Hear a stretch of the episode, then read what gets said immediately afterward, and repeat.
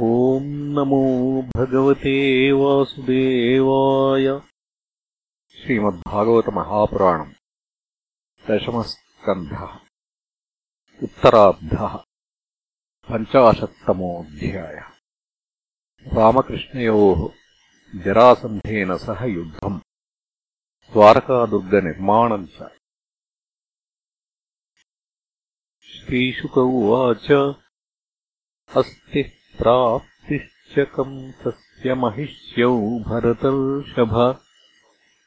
मृते भर्तरि दुःखार्ते ईयतु स्म पितुर्गृहान् पित्रे मगधराजाय जरासन्धाय दुःखिते। वेदयाञ्चक्रतुः सर्वम् आत्मवैधव्यकारणम् स तदप्रियमाकर्ण्य लोकामर्षयुतो नृप। अयादवीम् महीम् कर्तुम् चक्रे परममुद्यमम्।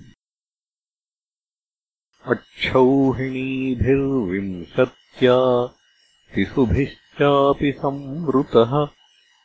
यदुराजधानीम् मथुराम् सर्वतो दिशम् निरीक्ष्य तद्बलम् कृष्ण उद्वेलमिव सागरम्। स्वपुरम् तेन संवृद्धम् स्वजनम् च भयाकुलम्। चिन्तयामास भगवान् हरिः कारणमानुषः तद्देशकालानुगुणम् स्ववतारप्रयोजनम् हनिष्यामि बलम् एतद्भुवि भारम् समाहितम् मागधेन समानीतम् वश्यानाम् सर्वभूभुजाम् अक्षौहिणीभिः सङ्ख्यातम् भटाश्वरथकुञ्जरैः मागधस्तु न हन्तव्यो भूयः कर्ता बलोद्यमम्। एतदर्थोऽवतारोऽयम् भूभारहरणाय मे संरक्षणाय साधूनाम्। कृतोऽन्येषाम् वधाय च अन्योऽपि धर्मरक्षायै देहः सम्भ्रियते मया। विरामायाप्यधर्मस्य काले प्रभवतः क्वचित्। एवम् ध्यायति गोविन्द आकाशात् सूर्यवर्चसौ। तथा उपस्थितौ सद्यः ससूतौ सपरिच्छदौ। आयुधानि च दिव्यानि पुराणानि यदृच्छया। दृष्ट्वा तानि हृषीकेशः सङ्कर्षणमथाब्रवीत्। पश्यार्यव्यसनम् प्राप्तम् यदूनाम् त्वावताम् प्रभो एष ते रथ आयातो दयितान्यायुधानि च। यानमास्थायजह्येतद्व्यसनात् स्वान् समुद्धर। एतदर्थम् हि नौ जन्म साधूनामीशर्मकृत्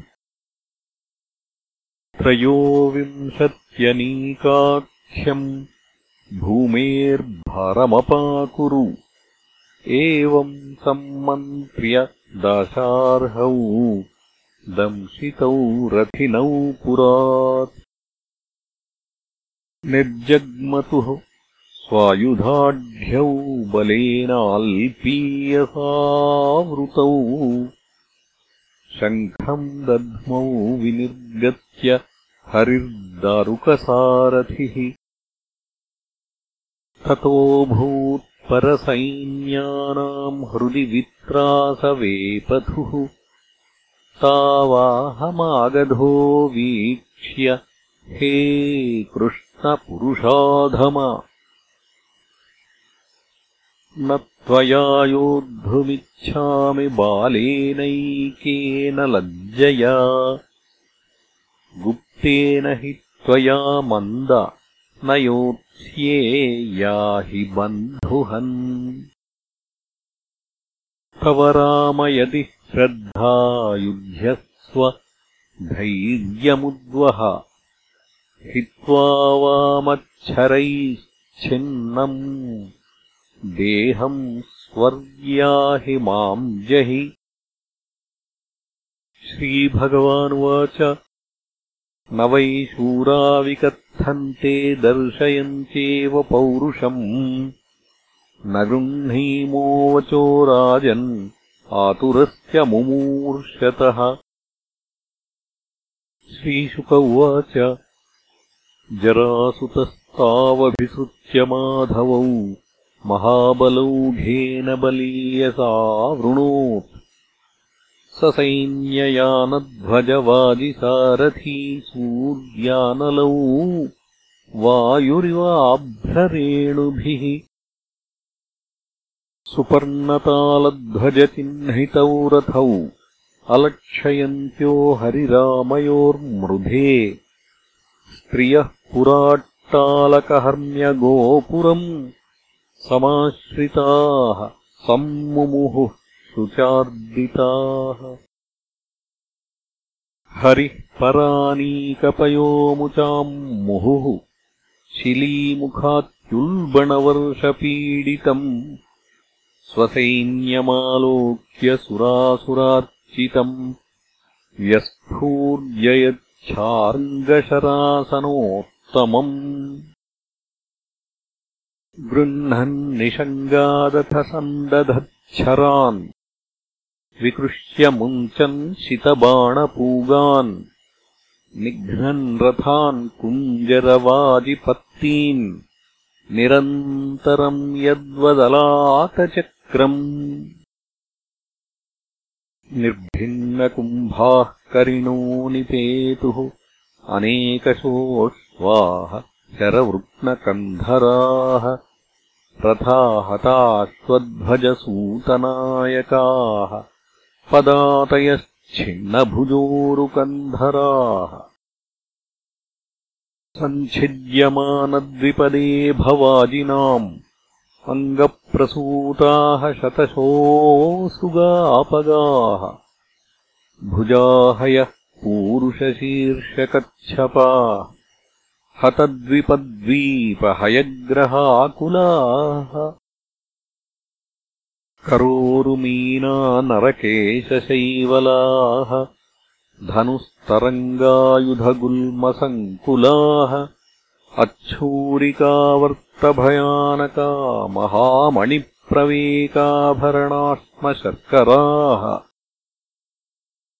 प्रवर्तिता भीरुभयावहा मृधे मनस्विनाम् हर्षकरीः परस्परम् विनिघ्नतारीन्मुसलेन दुर्मदान् सङ्कर्षणेनापरिमेयतेजसा बलम् तदङ्गार्णवदुर्गभैरवम् दुरन्तपारम् मगधेन्द्रपालितम् क्षयम् प्रणीतम् वसुदेवपुत्रयोः विक्रीडितम् तज्जगदीशयोः परम् हित्युद्भवान्तम् भुवनत्रयस्य यः समीहतेऽनन्तगुणः स्वलीलया न तस्य चित्रम् परपक्षनिग्रहः तथापि मत्यानुविधस्य वर्ण्यते। जग्राहविरथम् रामो जरासन्धम् महाबलम् हतानीकावशिष्टासु सिंहः सिंहमिवौजसा बध्यमानम् हतारातिम् पाशैर्वारुणमानुषैः। वारयामास गोविन्दस्त्यागराजम् तेन कार्यचिकीर्षया। स मुक्तो लोकनाथाभ्याम् व्रीडितो वीरसम्मतः तपसे कृतसङ्कल्पो वारितः पथिराजभिः। वाक्यैः पवित्रार्थपदैर्नयनैः प्राकृतैरपि स्वकर्मबन्धप्राप्तोऽयम् यदुभिः ते पराभवः। हतेषु सर्वानीकेषु नृपो बार्हद्रथस्तदा उपेक्षितो भगवता मगधान् दुर्मनाययौ।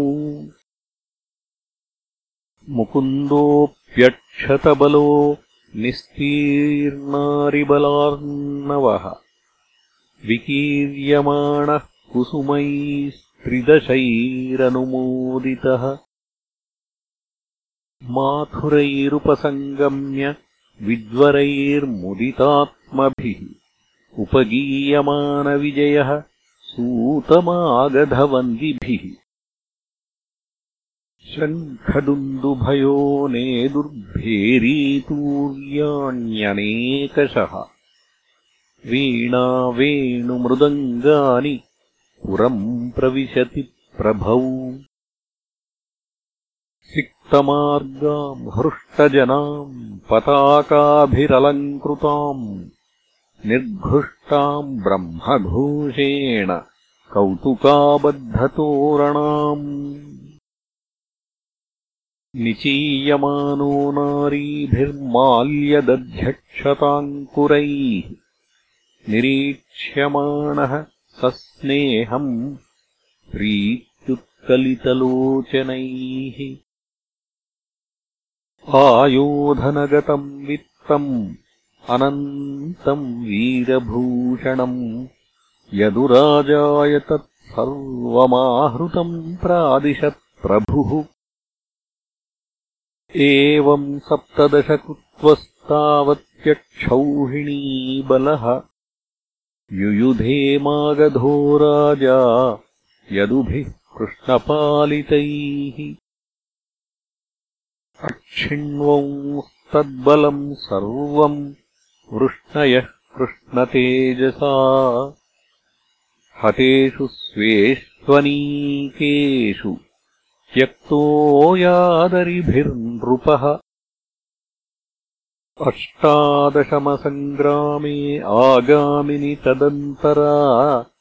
नारदप्रेषितो वीरो यवनः प्रत्यदृश्यत। रुरोधमथुरामेत्य शिशुभिर्म्लेच्छकोटिभिः नृलोके चाप्रतिद्वन्द्वो वृष्णीन् श्रुत्वात्मसम्मितान् तम् दृष्ट्वा चिन्तयत्कृष्णः सङ्कर्षणसहायवान्। अहो यदूनाम् वृजिनम् प्राप्तम् ह्युभयतो महत् यवनोऽयम् निरुन्धे स्मानद्य तावन्महाबलः मगधोऽप्यद्य वा श्वो वा परश्वो वा गमिष्यति। आवयोर्युध्यतोरस्य यद्यागन्ताजरासुतः। बन्धून् वधिष्यत्यथवा नेष्यते स्वपुरम् बली तस्मादद्य विधास्यामो दुर्गम् द्विपददुर्गमम् तत्र ज्ञातीन् समाधाय यवनम् घातयामहे। इति सम्मन्त्र्य भगवान् दुर्गम् द्वादशयोजनम् अन्तः समुद्रे नगरम् कृत्स्नाद्भुतमचीकरत् दृश्यते यत्र हि त्वाष्ट्रम् विज्ञानम् शिल्पनैपुणम्